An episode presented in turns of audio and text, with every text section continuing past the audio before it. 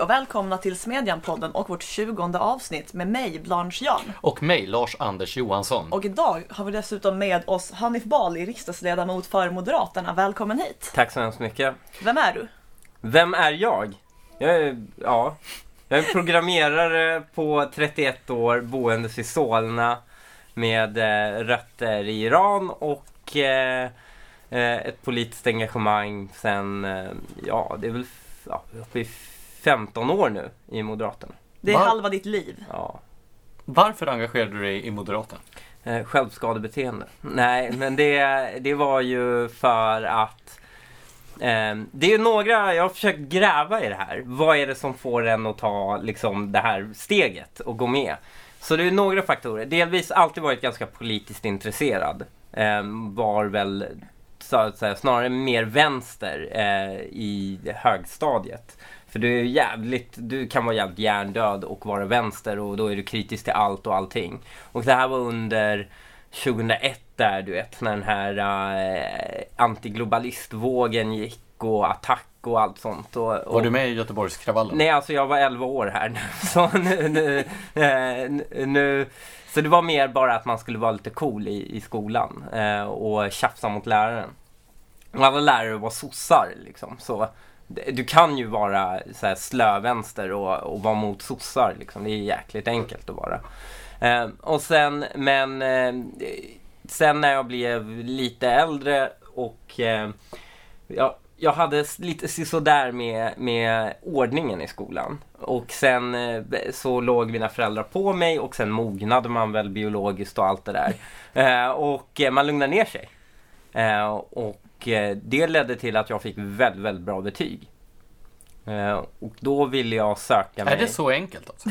Nej, men jag, jag hade väl, jag har alltid haft lätt för skolan när jag var väldigt liten. Men eh, särskilt i de tidiga tonåren så var jag väldigt, väldigt stökig. Jag var lite så här halvt klassens clown sådär och stökade till väldigt mycket. Det hade jag aldrig kunnat Ja, föreställa mig. exakt. Eh, och, eh, och jag var ju också lite katten bland hermeliner i och med att jag hade gått skola i Husbygårdsskolan och sen blev jag liksom lite landsatt i luftlandsatt i Upplands Väsbys White eh, Blue, blue Collar Neighborhood eh, helt enkelt. Och eh, eh, jag hade en lite högre retorisk så att säga våldskapital om man ska kalla det än de andra. Eh, och det fick en att sticka ut ganska mycket. Men eh, sen fick jag väldigt, väldigt bra betyg. Sökte mig till eh, Viktor Rydbergs gymnasium. Eh, och tänkte jag vill gå i den bästa skolan. Och jag hade gått om liksom eh, jag var långt över vad som krävdes för intag där. Men eh, vad som skedde var ju att eh, jag gick, bodde tyvärr i en socialdemokratisk kommun. Och i den socialdemokratiska kommunen så hade man inte skolval utan du fick välja skola men då fick du bara välja i de tre angränsande sossekommunerna. Eh, om du valde utanför, alltså då fick du välja i Märsta eller jag var i Uppland, Upplands Väsby, du får välja i Märsta eller Sollentuna. Eh, men eh, valde du utanför eh, de kommunerna så var du tvungen att vara en linje som inte finns i kommunen. Och det här visste ju medelklassen då såklart för då valde de ju så här samentreprenörskap eller samjuridik. Då det är så ja men 50 poäng skräp de slänger in bara för att det ska sticka ut. Eh, mina föräldrar hade ju inte koll på det. De, det enda de visste var att ja, men Viktor Rydberg är en av de bästa skolorna i Sverige. Eh, och det, det var jag trodde också, så jag väljer ju det. Eh, var på kommunen säger Nej tyvärr, vi har ju redan samhälle, samhälle, det har vi ju redan i vår kommun. Så då får du gå här i Vilunda gymnasium. Fy fan vad bittert. Eh, och då börjar ju Vilunda gymnasium och intagnings... Alltså det var noll i gräns för att komma in i, i Samsam. Det, det, jo, 30 poäng de facto för du måste ha haft matte, eh, godkänt i matte, svenska och engelska för att bli gymnasiebehörig. Den sista personen som kom in i klassen tror jag hade 60 poäng av då 320. Ehm, Så det var inte så här jättestudiemotiverande miljö. Och det fick mig att bli ganska bitter, tror jag, när det kommer till ja, men det personliga egna viljan versus, versus politikens vilja att styra. Så det är väl en bakgrundsfaktor. Ehm, men också Irakkriget. Eh, Irakkriget? Irakkriget. Jag har alltid varit så här, i, och med att jag har iransk bakgrund och uppväxt i iranska familjer så är ju inte svensk politik i centrum när du diskuterar politik. Eh, det är en väldigt politisk familj, eh, familj jag är uppvuxen med men det är ju inte svensk politik som diskuteras utan det är liksom internationell och särskilt Mellanöstern politik. Och då var ju det här lilla hoppet att bomba bort varenda diktator i, i Mellanöstern som attraherade en 16-årig Hanif. Och, eh, och jag hamnade i en diskussion med någon muffare som stod och kampanjade på min skola. Och några veckor innan hade polaren sagt så här, ah, men jag funderar att gå med i Liberalerna, eh, Liberala ungdomsförbundet. Så jag bara, jaha okej, okay. ja men vi kanske ska, borde gå med ihop liksom. Och så, så träffade jag då eh, du hade alltså kunnat bli folkpartist? Nej, det skulle jag nog inte. Jag skulle inte bli långvarig folkpartist. Men, men eh, jag, jag träffade den här snubben och eh, han, han motiverar varför det är rätt att gå in i Irak med att eh, ja, men jag, har, jag har rätt att skydda dig här i Sverige. Om, om Saddam Hussein var här i Sverige och förföljde dig så har jag ju rätt att skydda dig. Varför skulle den rätten försvinna bara för att någon är på en andra sidan en gräns? Och det var ju lite den här nyliberalismens idé om så att säga negativa rättigheter och som inte, som inte är så lokalbundna, inte är så himla eh, bundna till nationsgränser. Och, så det var det som fick mig att gå med helt enkelt. Jag gillade sättet han argumenterade, inte främst liksom att det var, det var inte nog liksom George W Bush som fick mig att gå med utan mer just argumentationsmetoden om, om, om så jag var ju extremt nyliberal i, i tidiga ungdomar. Apropå nyliberal, var, eh, alltså hur definierar du dig politiskt? Idag så är jag väl eh, lite mer, jag skulle kalla mig pragmatiskt liberal konservativ. Um, jag kommer ihåg när jag var liten och tänkte jag kommer aldrig bli som de här jävla partisterna. Uh, uh, det har de alla någon gång själva ja, tänkt. Och sen, men nu så har man ju blivit mer, mer, mer, mer pragmatisk. Men sådär, man önskar ju fortfarande någonstans inne i hjärtat att man är sån här nyliberal, men det är man inte. Du nämnde ju alldeles i början att du är programmerare, vilket ja. betyder att du tänkte väl dig ett liv, ett hederligt liv utanför politiken. Ja. Vad var det som gick snett? Eh, ren slump faktiskt. Det var faktiskt, eh, som väldigt många saker i mitt liv. jag hade fått uppdrag av Moderaterna, jag var ju politiskt engagerad på kommunnivå. Det var ju så fritidspolitiker sen jag var 18 år gammal. Eh, och sen eh, fick jag uppdrag av Moderaterna och, eh, Eh, att programmera ihop deras anmälningsblank, alltså den här anmälningssidan. Man skulle anmäla sig till, till olika eh, uppdrag. Och då eh, tänkte jag, ja men jag ska ju anmäla mig själv också för jag ska ju kandidera till kommunen igen. Och så provar jag, ja men jag bockar i alla och ser att det funkar.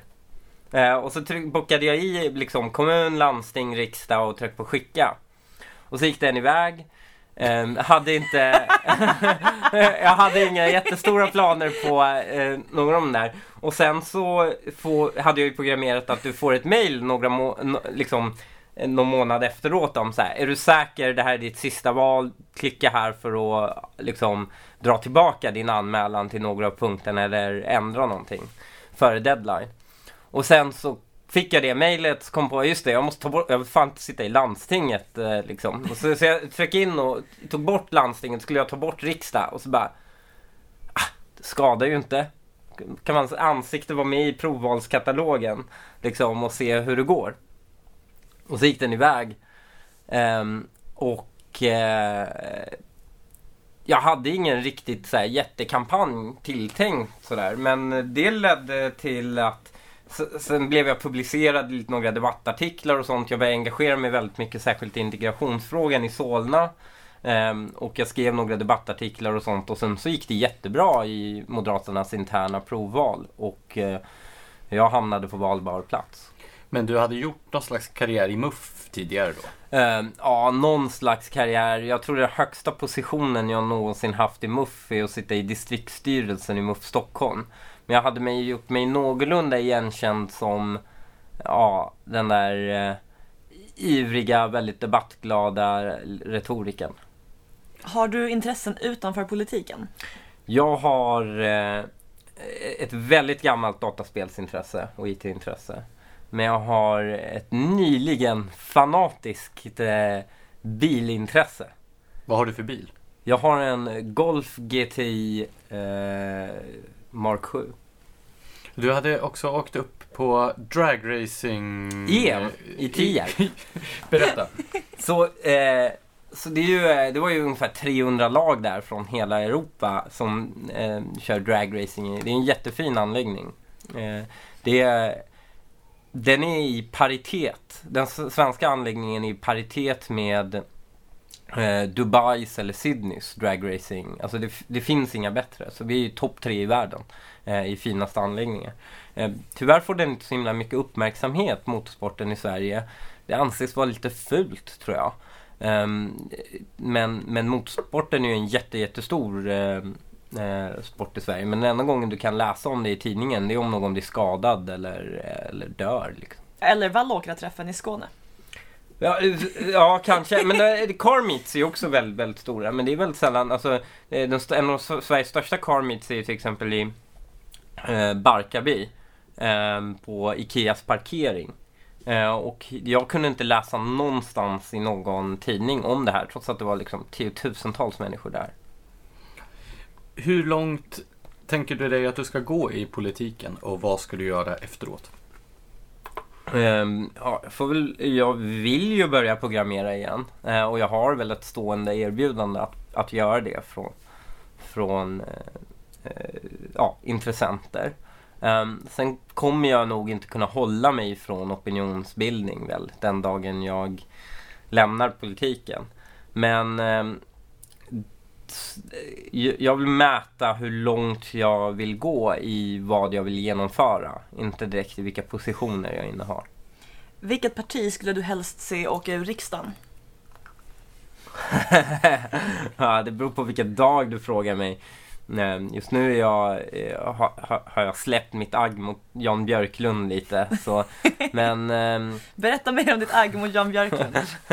nej, nej, men äh, ja, vilket parti vill jag ska... Ja, ah, Miljöpartiet. Miljöpartiet vill jag ska åka ut i riksdagen. Men alltså så här, det är ju, det är ju fiendens största sänke. Alltså vänstern förlorar ju jättemycket på att det finns där. Är det inte skitbra att jo, det sitter där? Jo, absolut. Men eh, man har rätt att unna sig det. Ja, tror jag. Sure. jag tror man, har, ja, man får unna sig det ibland.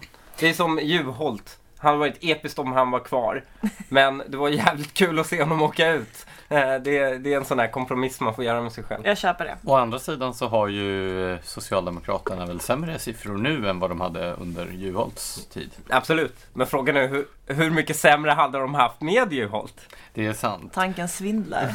Eh, men eh, herr Jan Björklund figurerade ju alldeles nyss så vi kan ju ha, ta honom som en övergång då till vårt första huvudämne, nämligen den förkättrade tonen i debatten. Mm. Du brukar ju alltid komma upp när tonläget i samhällsdebatten diskuteras och mm. just Jan Björklund valde ju att använda dig som redskap i sin valkampanj nu. Ja, fast där var det ju, det var ju snarare inte ens tonen utan han gjorde insinuationer till att nu kommer extremhögern och eh, det är en våg vi ser över hela Europa. Så valde att associera mig med det. Varför tror du att Jan Björklund gick till attack mot dig? Ja, förmodligen så läser han samma opinionssiffror som alla andra gör och han kände sig väl... Alltså du har inte gått igenom en riktig valrörelse om du inte hittar en folkpartistisk kniv i ryggen på valnatten. Alltså det, det, det it's part of the deal. Det, så har det väl alltid varit. Och de lever ju fortfarande kvar i den bilden som liksom på någon slags 50-tal eller 40-tals illusion om att ja, på den tiden vi var mot moder Moderaterna var vår fiende och vi var ett jätteparti liksom. Det, det är dit vi egentligen borde gå tillbaka. Den, den finns i bakhuvudet på, hos alla folkpartister. Eh, och jag bara, jag, det gjorde mig så arg för jag har varit med om så många valrörelser man har varit tvungen att sitta där och försvara Folkpartiet när de har haft dataintrångsskandalen och, och you name it. De har nog varit en god allianskamrat och, och backat upp dem liksom, i debatter och så vidare. Ehm, men de kan inte hålla sig från eh, när de ser en öppning att sparka på en moderat. Så. Och dygd signalera samtidigt lite. Så du känner de att det inte sig. backar upp dig lika mycket som du backat upp dem? Uh, ja, jo. Absolut. Tonen då? Hur skulle du beskriva din egen debattstil? Uh, den är väl jag har frågat lite mina vänner om hur, eh, hur utvecklingen av min debattstil har varit och de, de säger ju att du har ju med tiden vågat bli lite mer dig själv. Uh, när blir du fullt ut dig själv? Ja, det är när jag sitter hemma i soffan och tittar på Agenda liksom, med, med tjejen. Då, då blir jag fullt ut mig själv tror jag. Tanken svindlar. Där skulle man vara en fluga på väggen. Men eh, du har ju också kritiserats både av eh, andra partiers företrädare och eh, mediepersonligheter och även då av partikamrater för mm. ditt sätt att mm. uppträda i offentligheten. Hur mm. ser du på den kritiken som du har fått? Framförallt då den kritik som du har fått inom ditt eget parti.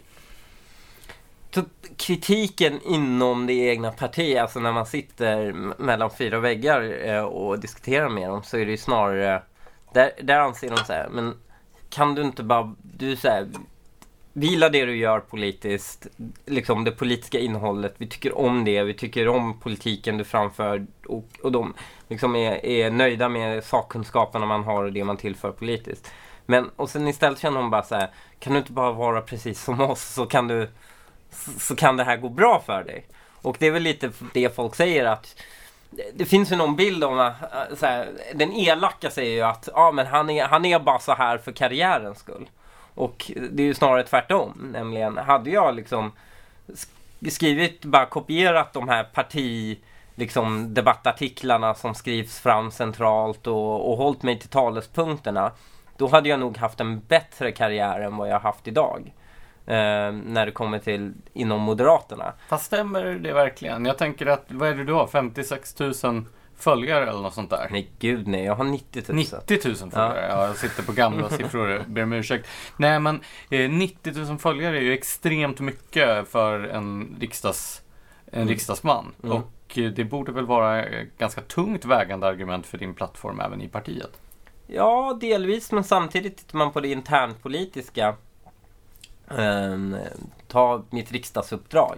Så jag är tredje namn i näringsutskottet med ansvar för gruv och mineralfrågor. Du menar att om du inte hade haft 90 000 följare på Twitter så skulle du... Eh, Nej, men eh, det hade, jag tror inte antalet följare på Twitter avgör sånt. Utan det som avgör sånt är snarare om man figurerar mycket negativt i media så, så tycker oftast, ja, men då skulle ens chef tycka att det vore jobbigt. Alltså, du har ju, jag har för mig att jag har läst någon intervju med dig för ett tag sedan att du sa att du inspirerades av vänsterns debattstil i sociala medier. Mm. Du, du har sagt det? det ja, bara... nej, nej, nej. Men alltså hur, hur tar det sig uttryck? Alltså, jag har märkt sättet de, eh, de lyckas hålla sig på gränsen. Um, och sättet de har bedrivit utmobbning egentligen uh, av debattörer. Och då kände du dig inspirerad? Nej men jag, nej, jo men absolut för att eh, jag, jag tror inte, jag tror inte den här borgerliga Ja, det finns någon form av Jesus-logik där i att om någon liksom ger mig en örfil ska jag vända andra kinden åt. Nej men då kommer du alltså fortsätta få örfilar. Det är en jättefin så här, allmän saying men när någon faktiskt håller på att ge dig örfilar så är det en jättedålig princip. Eh, och det var jag märkt med vänstern, särskilt på sociala medier. Alltså, du hade ju, om vi tänker tillbaka några år, du hade Vita kränkta män, eh, Alliansfritt Sverige, eh, eh, vad hette han? Eh, eh, Zolfagari eh, och alla de här och hur de gick åt Gudmundsson, Per Ström eh, och så vidare och så vidare. Hur, hur de betedde sig mot, mot dem där. Eh, och, och och högern bara, ja, men ska, vi inte, ska, vi inte, ska vi inte ha en god ton? Och vad ledde det till? Jo, men för det var bara, vi bara torskade och torskade den arenan. Nu är det inte så längre.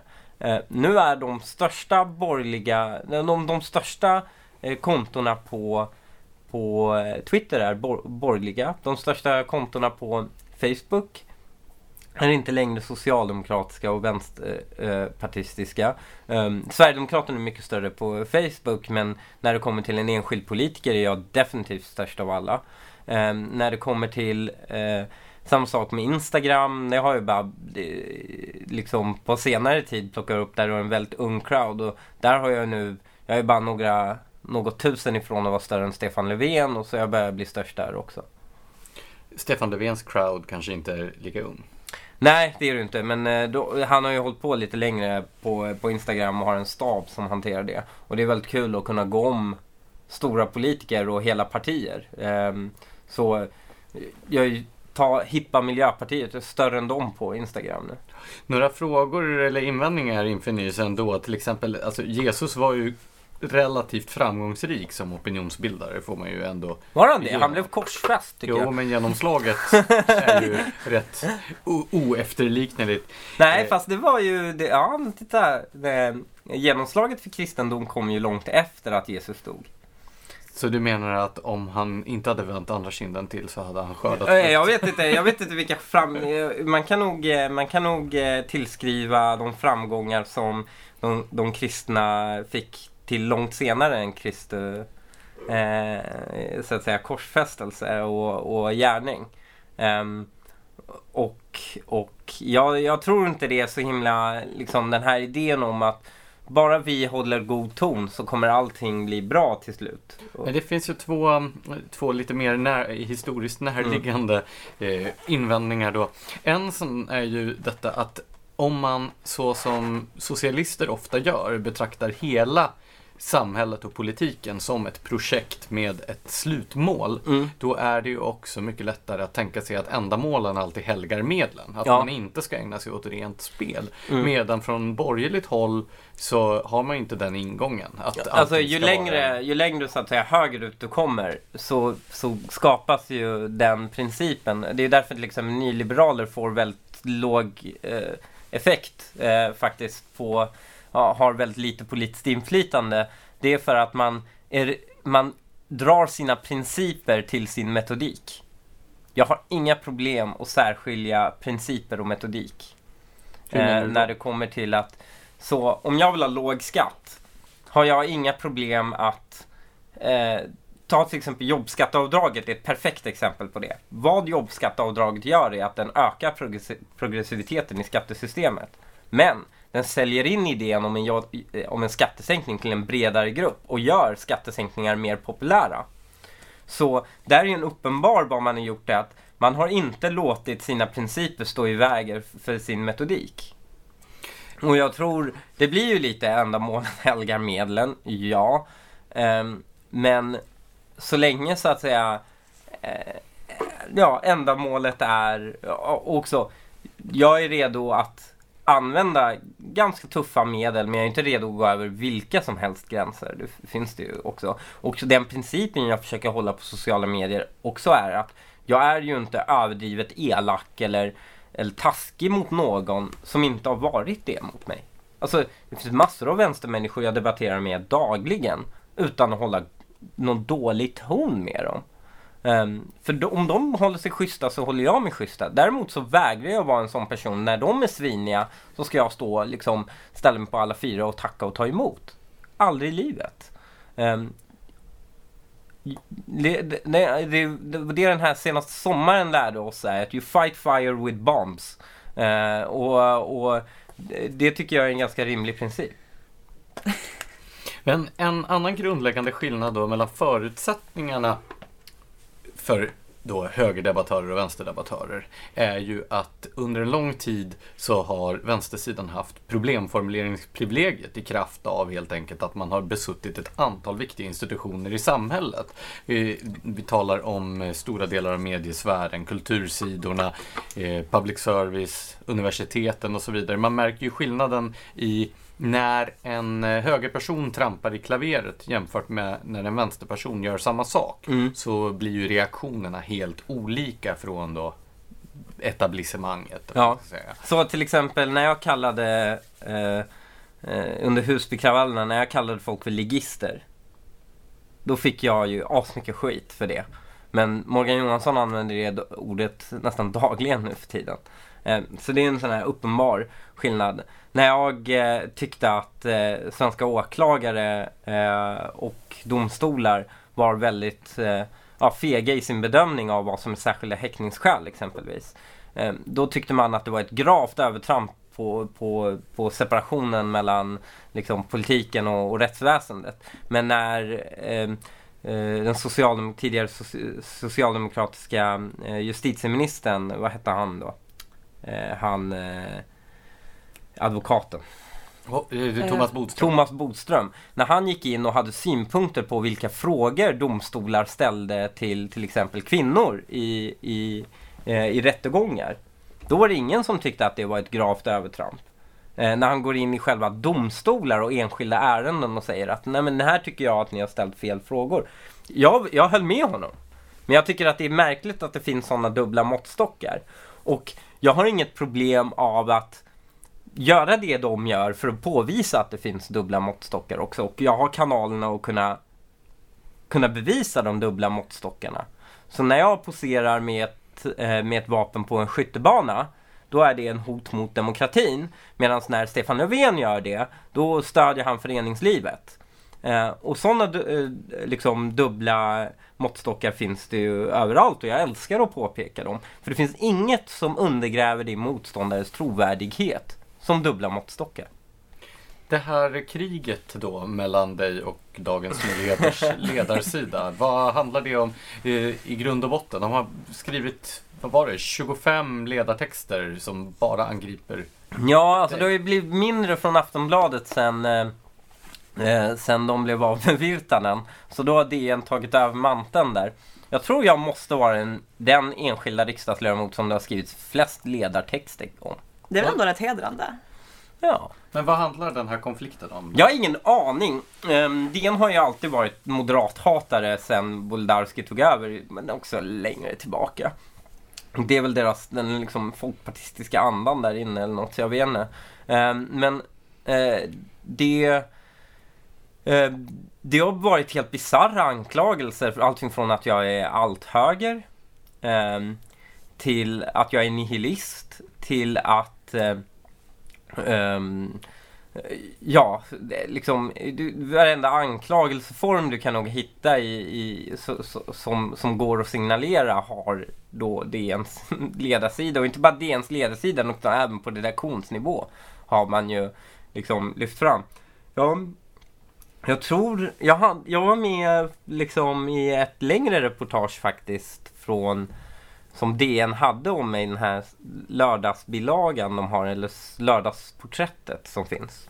Och den var en väldigt bra artikel. Det var ganska mångfacetterat och den lyfte upp både den ena och andra sidan och, och hade en lång intervju med mig. Och sen, det var liksom lite efter det när typ de läste i sin egen tidning att det här aset liksom existerar så, så har det bara eskalerat från deras sida. Det som är lite förvirrande är att samtidigt som DN då på ledarplats är så arg på dig så verkar ju DN ha ett otroligt höga tankar om dig i övrigt. Jag tänker på när du valde att faktagranska dina åsikter, som att mm. dina åsikter är fakta. Ja. Det är ju ändå ett rätt högt omdöme om det, dina åsikter. Det är det liksom, att jag tycker att någonting är abnormt är alltså eh, men det är ju också så här, eh, många politiska journalister, särskilt de, den yngre generationen, de kan inte politik. De tror att det här är någon form av Paradise Hotel liksom. Eh, vem tar vem och eh, vem är det som eh, vill rösta ut den andra och så vidare. Det är, alltså jag, jag har märkt liksom, det är ett, liksom, utländska analyser är värdelösa att läsa i Sverige. Alltså politisk analys från, från när det kommer till utlandet i, i Sverige är helt värdelöst. Så då är det bättre att läsa någon, liksom, The Economist om du vill ha en allmän översikt av, om, om utländsk politik. Och när det kommer till svenska politiska analyser och det har jag märkt, ju mer innästlad i politiken och särskilt på högre nivå jag har blivit, ju, ju mer fel har den generella journalisten. Det finns några bra där ute. Um, och, och tyvärr så, så kommer de ibland inte, alltså um, Viktor Bart Kron till exempelvis, han kör ju en humoristisk take, men jag vågar påstå att hans analyser är mer eh, nära sanningen än, eh, och, och, än, än någon annan eh, egentligen professionell kommentator och analytiker. Eh, särskilt när man ser det inifrån. Det här eh, med svansen då. Du har ju anklagats för att piska upp hat hos din följarskara i sociala medier. Ja. Stämmer det? Det, det? det där är också en ganska intressant dubbel måttstock. Så varje gång jag har figurerat i eh, Eh, Expressen eller Aftonbladet eller you name it. Då får jag alltså mordhot skickade till mig. Alltså utan undantag. Kan jag då anklaga Expressen för att piska upp en hatstämning av, av, av, av, eh, av eh, sina läsare mot mig? Nej. Det vore faktiskt orimligt. Det är klart att de ska få granska mig och skriva om mig. Så länge de skriver liksom rätt i sak och det är korrekt och de inte gör några övertramp. Då, då är det faktiskt inte Expressens fel att de har en massa idioter som läser deras tidning. Och här blir ju problemet för att när det kommer till mig då finns det ju plötsligt jättemånga liksom. Då är det plötsligt helt mitt ansvar om någon idiot som följer någon idiot som går in och kommenterar i någonting jag har kommenterat. Då blir det plötsligt mitt fel. Och många gånger man pratar om en, liksom när man pratar hat och hot så har jag ju bett folk, jag har ju sagt det hur många gånger som helst så här. Ser ni någonting? Jag har svårt att se allting. Eh, för jag har 400 reaktioner per inlägg ungefär i snitt. Det är väldigt svårt för mig att, att, att se det här. Så ser ni något, säg till mig. Eh, gör det. Och många gånger har folk hört av sig så här. Den här personen har kommenterat. Så visar det sig att personen inte ens följer mig. Eller att personen är blockad av mig. Eller att jag har ignorerat den för den har varit irriterad tidigare. Så det finns en ganska stor orättvisa i, i bedömningen. Och det man avkräver mig är alltså att jag markerar. Och det har jag ju gjort flera gånger. Men det tenderar man nog bara selektivt inte se. Um, och sen, det man egentligen vill är att jag håller käften. Det hade ju varit det lättaste. Då blir det ju ingen... Då, då blir det ju... Då blir alla glada. Och det var ju samma sak. Det var väldigt intressant att lämna Twitter. Och se, ja, men försvinner den här... Försvinner den här dåliga tonen och stämningen och de månaderna jag inte var på Twitter? Nej, det gjorde inte det. Det här leder ju oss då in på nästa ämne Eh, nämligen ditt eget parti, Moderata samlingspartiet. Och då tänkte jag börja med att fråga om just det där. Du var ju tvungen att lämna partistyrelsen och belades med Twitterförbud. Ja, det kan man Så det hade ju funnits en diskussion tidigare eh, i och med ja, det vuxna i rummen och sånt. Och det tolkades ju direkt eh, som en pik mot mig av medier. Och att poäng... du skulle vara den vuxna i rummet? Är alltså att eh, det var en markering mot mig. Jag är inte helt säker för det han sa var ju delvis liksom att det finns en ängslighet i, den, i det offentliga samtalet, en gnällighet och ängslighet. Och det är väl exakt det jag möts av. Det är en jävla gnällighet och ängslighet kring det jag skriver. Men hur som helst, pitchen från media blev ju eh, att det här är ju en markering mot Hanif Balis dåliga ton. Det var ju en ren... Och, och problemet för partiet blev ju att det är inte och, och det här försökte jag ju klargöra för dem att ingen kommer, ingen kommer hålla dina fiender, dina motståndare enligt den så att säga moraliska måttstock du, eh, enligt den regelbok du skriver. Folk kommer endast avkräva dig att följa den regelbok du skriver. Och här blev ju lite problemet, eh, det tror jag, för eh, Moderaterna för att man snabbt omdefinierar ju vad det vuxna i rummet, att det är Hanif Balis dåliga ton. Och sen så, ja men det, det automatiska svaret är ju så här, ja men få käft på honom då. Om det är du menar. Och jag, jag är inte helt säker på om det var Kristerssons mening eller inte, men det, det var bildsättningen blev och... Har du frågat honom? Nej. Uh, och uh, sen så, så, så låg man ju på mig även innan den här DN-gaten om att så här, ja men kan vi inte, kan vi inte, kan vi inte chilla på Twitter liksom.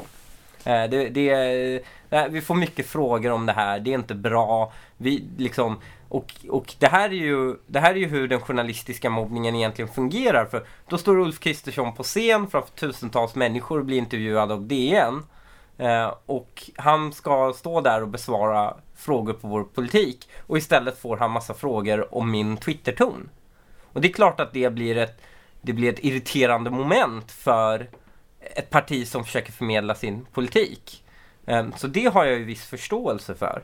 Ehm, så vi hade ju en dialog om det, men sen när DNs liksom eh, när det där DN-drevet kickade in, då blev ju liksom, eh, och jag, och jag gjorde ju felet också att inte vara helt öppen med mitt parti och gentemot DN. Och det ledde till att jag hamnade i, i en situation där, ja men folk fick leverage över mig. Samtidigt är det ju ibland ändå lätt att få intrycket att Moderaterna har lite dåligt självförtroende. Mm -hmm. Alltså både vad gäller att kanske ibland stå upp för sina partikamrater men framför allt att stå upp för vad som faktiskt borde vara moderata värderingar. Håller du med om det?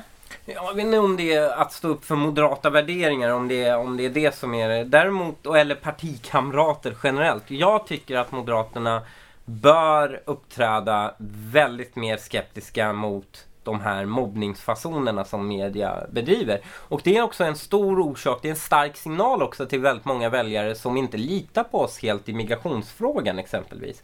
För en stor orsak till varför vi fick den här masspsykosen i, i migrationsfrågan var ju att det bedrevs en, en Jo, absolut. Det fanns en politisk eh, liksom, eh, dimension av det hela. Men alla kunde ju också se att det fanns en medial dimension. Nämligen, jag kommer ihåg själv när jag eh, avkrävde, jag tror det var 2012 eller 2013, när jag avkrävde eh, försörjningsskyldighet för anhöriginvandring. Då var det liksom journalister som var så här, varför vill du splittra familjer och vad har du emot kärlek liksom? Alltså det var liksom på den här nivån debatten var. När jag avkrävde åldersbedömningar för, eh, för, för ensamkommande, 2012 var det. Då var det liksom samma väldigt insinuanta frågor och kan man verkligen tycka så här, det är en högerextrem myt och, och, och så försökte man ställa liksom eh, partiet till svars för de här frågorna. Och på den tiden höll jag en väldigt god ton.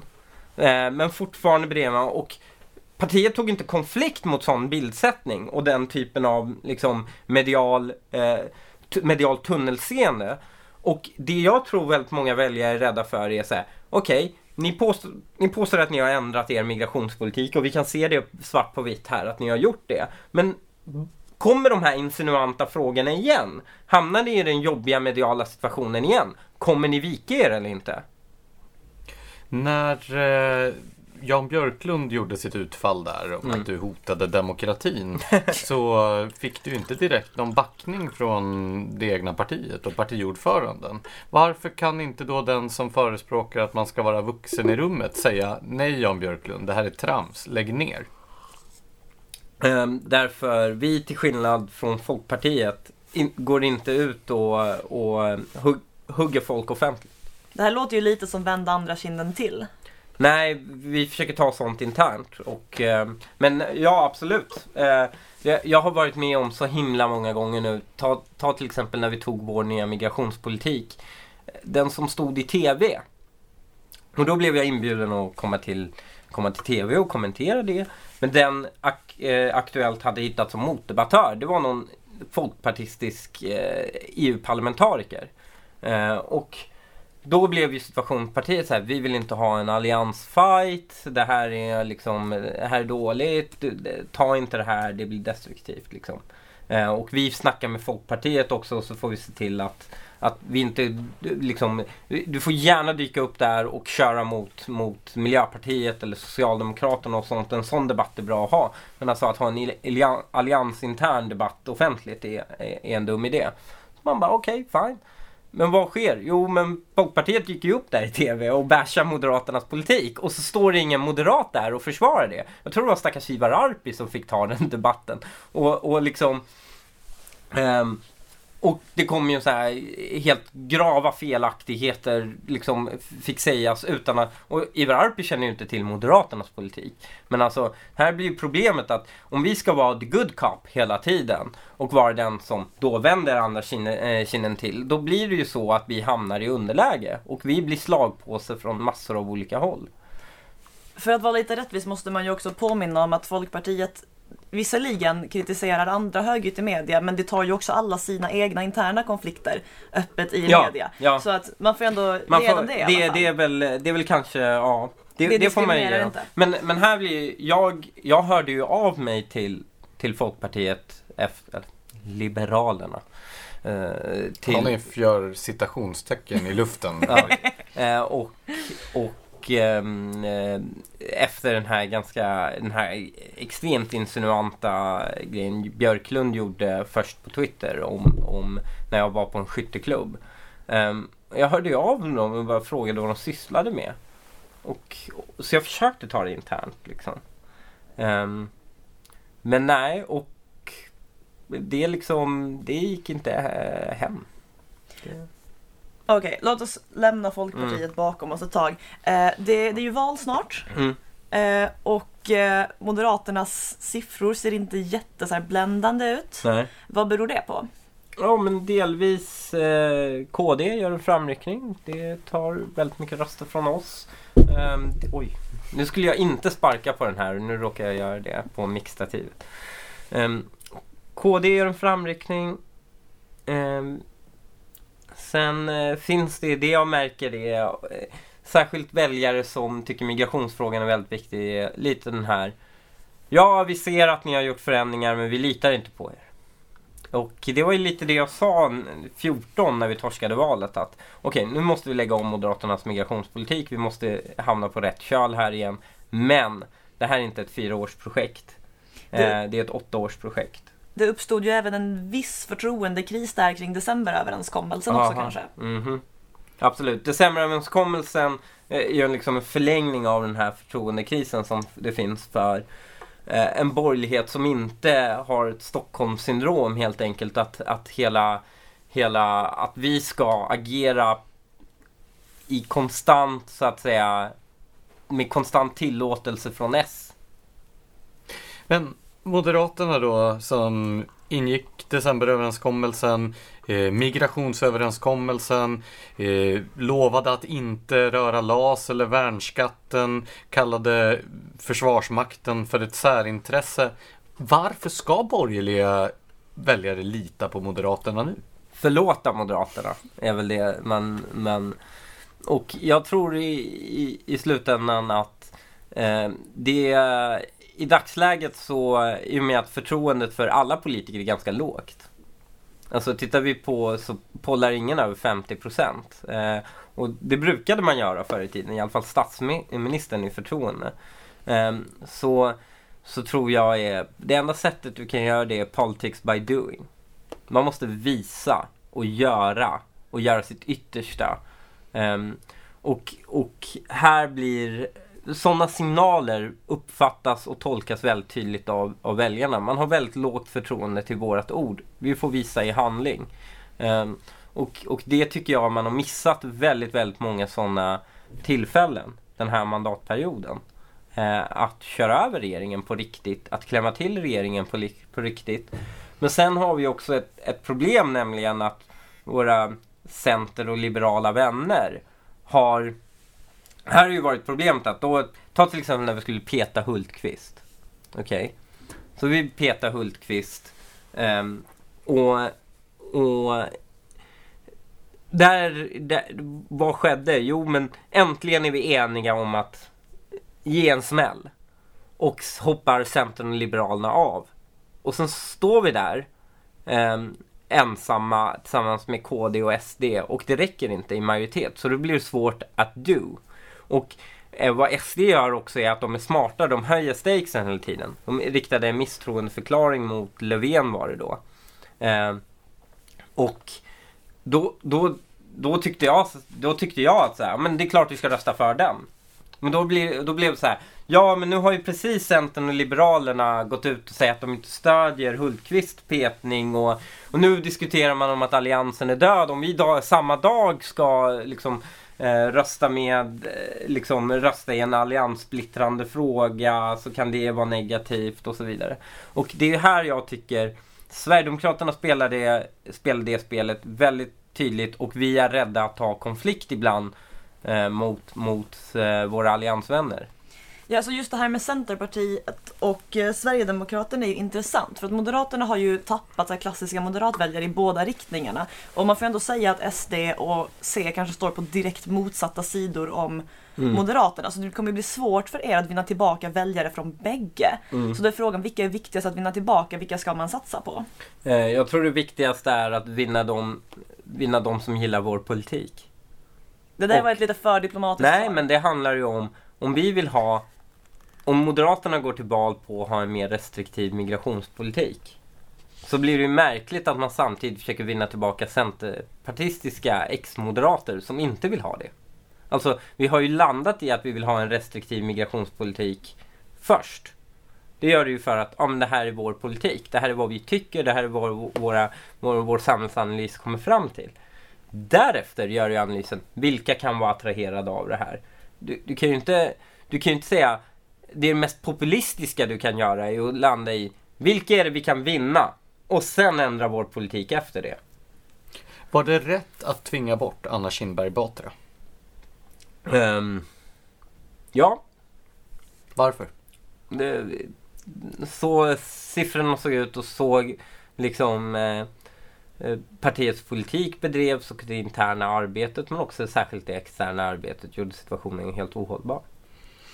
Och sättet som det gick till på och sättet som den nya ledningen valdes. För en utomstående var det ju väldigt hemlighetsmakeri i detta. Men det är, vilket partiledarskifte har... Så här, hur offentlig var Fredrik Reinfeldts maktövertagande? Men Folkpartiet sköter ju alla sina som sagt. Exakt, jag tror ni är kanske lite Folkpartivana. Ja men Centerpartiet då? De hade ju kandidater som turnerade runt öppet och kampanjade. Ja, är det, är inte, det, det är inte en... Eh, så, så Moderaterna funkar ju med att vi är ett mycket större parti med maktbaser liksom som finns i Skåne, Stockholm, eh, Göteborg eh, och, och liksom Norrbotten är en, eh, Norrland är ett block och, och de olika maktbaserna som finns så funkar det är lite av mer av en vaskningsprocess, att man vaskar fram en kandidat. Eh, och eh, eh jag, det, är liksom, det är bara annorlunda partikultur eh, i grund och botten. Och det väl, har väl också en historia om var Moderaterna bildades. Moderaterna är ju inte ett bottom bottom-up-parti helt enkelt. Utan Moderaterna bildades i riksdagen av fria högermän som gick ihop helt enkelt apropå det här med Moderaternas eh, internkultur och partikultur mm. eh, så har ju Moderaterna också en väldigt stark eh, partipiska som kanske bara går att jämföra med Socialdemokraternas egentligen. Eh, och du har ju själv funnit dig på fel ända av den partipiskan ett mm. par gånger. Eh, typ omröstningen om ifall man skulle stämpla IS-massaker eh, IS-massakrar som folkmord. Mm. Hur ställer du dig egentligen till den här partipiskan? Ja, jag har ju mitt, mitt blank statement är ju jag tycker om partipiskan. Det lät Även... lite masochistiskt. Nej, men jag tycker om partipiskan för en dag kanske jag håller i den. Eller någon så, så, Eller en dag kanske någon som är, håller med mig håller i den. Och då vill jag ju få maximal liksom, utväxling på, på min politik. Eh, men... Det här är det vanliga argumentet för penalism. ja, kanske det är. Eh, men du kan inte säga att det inte funkar. Eh, men det... Och då får du helt enkelt, om, vill, om, du vill göra, om du vill gå emot partiet får du vara redo och, och, och ta konsekvenserna av det också. Och det var jag redo att göra. Vissa saker är värt det. Vilka regeringskonstellationer kan du se framför dig M ingå efter valet? Um, de egentliga alternativ jag ser som finns är um, alliansregering. Den är ju långt mer trolig om SD blir störst parti. Hur menar du då? ah, nu kommer kontrapropositionsvoteringen i riksdagen fram. Så då blir, om vi går efter opinionsundersökningarna så blir det ju Miljöpartiet minsta parti då. Och för Alliansen lägger en gemensam budget för man är regering. Så Stefan Löfven sänks, Alliansen tillträder. SD är största parti. Vad sker då? Jo, men du får eh, Miljöpartiet mot Vänsterpartiet i budgeten. Och sen faller Miljöpartiets budget, Vänsterpartiet går vidare mot Socialdemokraternas. För det är storleksordning. Och sen så vinner ju Socialdemokraternas budget. Sen är Socialdemokraternas mot SDs budget. Och då måste SD alltså rösta på sossarnas budget och inte sin egen för att Socialdemokraterna ska gå vidare kommer de förmodligen inte göra. Och då kommer SDs budget vinna den voteringen och gå vidare. Och då kommer ju inte Socialdemokraterna rösta för SDs budget. Så då kommer det bli SD mot Alliansen. Och då vinner Alliansen. Men om SD blir andra största parti, då blir ju situationen som den har blivit den här mandatperioden. Nämligen att Miljöpartiet kommer köra mot Vänsterpartiet Um, och kommer Vänsterpartiet gå vidare och så kommer det vara Vänsterpartiet mot Sverigedemokraterna och så kommer Sverigedemokraterna gå vidare och så kommer det vara Sverigedemokraterna mot Socialdemokraterna och då kommer Socialdemokraterna gå vidare och sen när Socialdemokraterna står mot Alliansen kan SD säga Hörru, förhandla med oss eller och sen röstar de på Socialdemokraternas budget. Och då om S plus SD är större än Alliansen, då faller Alliansens budget. Så det är ju den ultimata förhandlingspositionen för SD. Det är inte eh, det största partiet utan det är det andra största partiet. Så den som vill ha en alliansregering bör alltså hoppas att SD blir största partiet? Det är vad du säger? Kanske, det, jag vet inte. Det, det, men det, sen kan ju SD bara vara smarta och eh, rösta på S-budget istället för sin egen.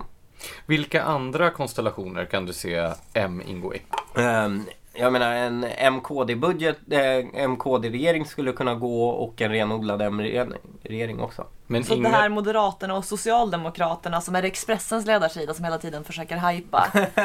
det ger du inte mycket för Nej, alltså. det ger jag inte jättemycket för. Det skulle nog inte gå. Hur stor är sannolikheten för en blocköverskridande regering? Risken menar du, för en blocköverskridande? Ja, det beror på, det beror helt på Liberalerna och eh, Centerpartiet. Skulle jag säga. Alltså, de har ju eh, liksom gjort det väldigt tydligt. Alltså Socialdemokraternas affärsidé från, från första början har ju varit att splittra alliansen. Så det kan jag förstå är ju en, är ju en eh, jättebra grej för dem om de lyckas med. Och det vill de säkert jättegärna. Eh, Miljöpartiet har sagt att de är redo att göra upp med alla utom Moderaterna och SD. Eh, så Moderaterna är ju, och, och, i en sån konstellation, om du ska göra en sån form av mittenregering, då måste ju, för att få ihop mandaten, måste ju MP vara med då. Och har MP sagt nej till M, alltså att det är någon form av veto, ja då kommer, då kommer det bli eh, liksom, det, det kommer nog inte finnas en sannolikhet att kunna få eh, den här eh, centerpartistiska idén om att ska alliansen med stöd av Socialdemokraterna. Det, kommer, det, är, det är bara fantasi tror jag. Eh, utan däremot eh, eh, jag, jag, tror det blir väldigt, väldigt svårt för, för Moderaterna att ha bara en regering med, med några andra än, än allianskollegor.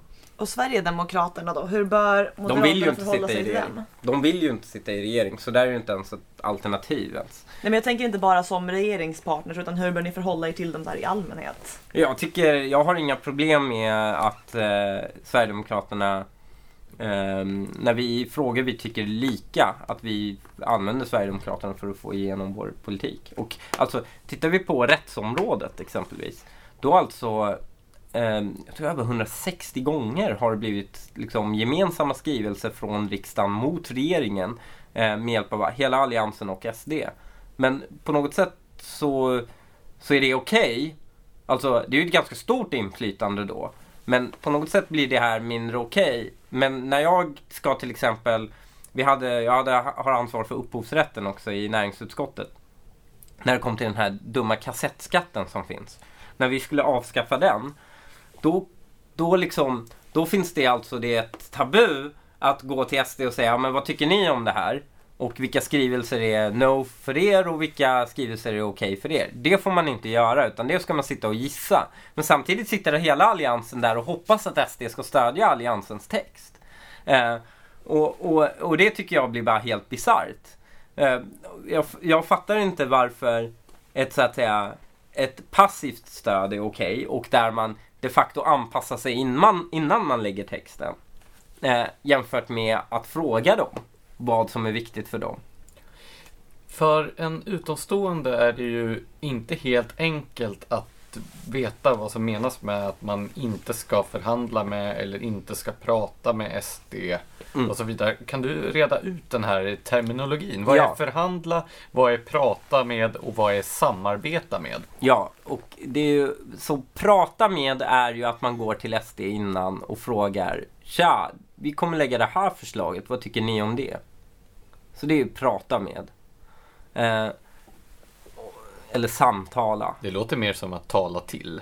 Nej, men det behöver det inte vara. Så kan någon säga, ja, men eh, just den här formuleringen hos er är lite onödig. Liksom. Och det ändrar inget i sakfrågan oftast, de här formuleringarna. För att-satsen brukar vara densamma. Så, så eh, det har funnits moment då SD liksom på sittande möte och sagt Jo, den här texten från Alliansen tycker vi är bra. Eh, men det står i texten Vi i Alliansen. Så om det kunde ändras kunde vi tänka oss ställa oss bakom det. Och det brukar alltid ändras. Så, så att säga, så eh, det har ju hänt jättemånga gånger att en sån justering har gjorts. Eh, för att få en majoritet i, i utskottet. Men samtal är alltså innan du lägger det förslaget att du går och kollar med dem innan. Och, och frågar lite i detalj. Så ehm, ett, en förhandling är ju, okej, okay, vi vill genomföra det här. Eh, och då säger de, ja men vi kan tänka oss att ni får göra det om vi får det här. Det är en förhandling. Sen samarbete är ju eh, eh steget längre det. Det är vad vi har med Alliansen. Vi träffas varje onsdag i alla utskott före utskottsmötet, pratar ihop vår politik. Vi synkar våra gemensamma skrivelser med varandra och så vidare. Det är ett regelrätt upprättat samarbete. Så vad, hur skulle du beskriva den nuvarande regeringens relation till Vänsterpartiet utifrån den här terminologin? Det är ett samarbete. Det är ett samarbete. Mm. Och så då när eh, Kristersson säger att Moderaterna inte kan tänka sig att samarbeta med Sverigedemokraterna. Mm. Då innebär det att man inte skulle kunna tänka sig att eh, använda dem som regeringsunderlag på samma sätt som Vänsterpartiet är regeringsunderlag? Eller, det beror på. Alltså i vissa frågor är ju så förhandlar man med eh, med eh, eh, Sen blir det ju lite semantik. Alltså om du förhandlar med samma parti i samma fråga varje, varje, varje år, till exempel om budgeten, då är det ju ett samarbete.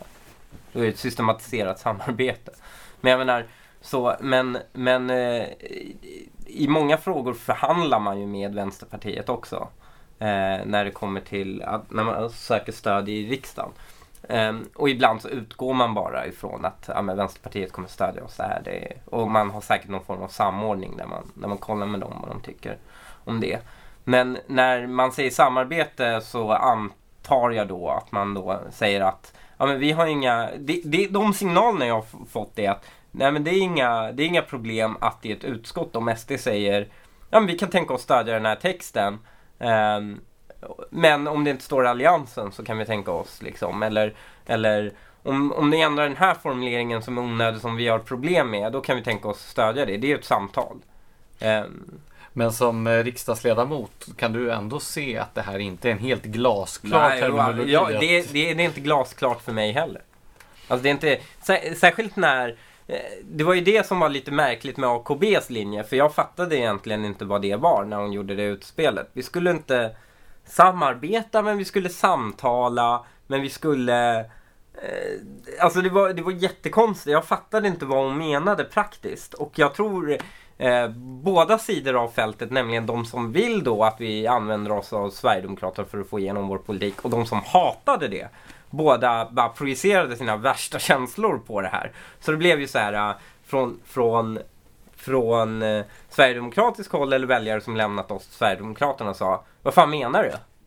Eh, och och eh, liksom, man litade inte på det och det lät allt för flummigt. Och från Eh, liksom, och det andra hållet, de som lämnat oss för exempelvis Centerpartiet, de trodde ju så här, nu vill ni tillsammans med Sverigedemokraterna införa en fascistisk liksom, enpartistat. Eh, alltså, typ så var ju, alla bara projicerade för att det var så oklart. Och hur skiljer sig den nuvarande linjen från den linjen? Eh, jag tror det är väl en orsak till varför vi är 17 eller procent i, i, eh, i men det, ja, det, den signalen som man ger i alla fall är att så här, Hela vägen in, in i kaklet. Man använder sådana signalord lite så här. Hela vägen in i kaklet. Vi ska genomföra vår politik till det maximala och vi backar inte om någon vill liksom stötta oss.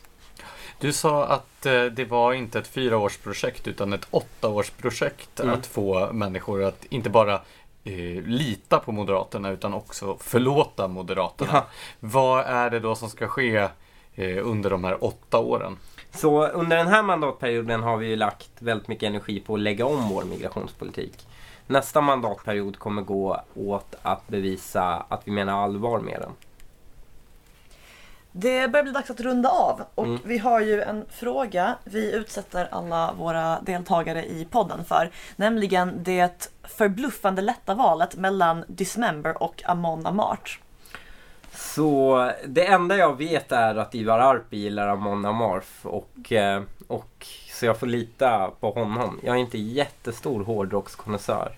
Nej, det hör vi tyvärr mm. nu. Vad lyssnar du på för musik?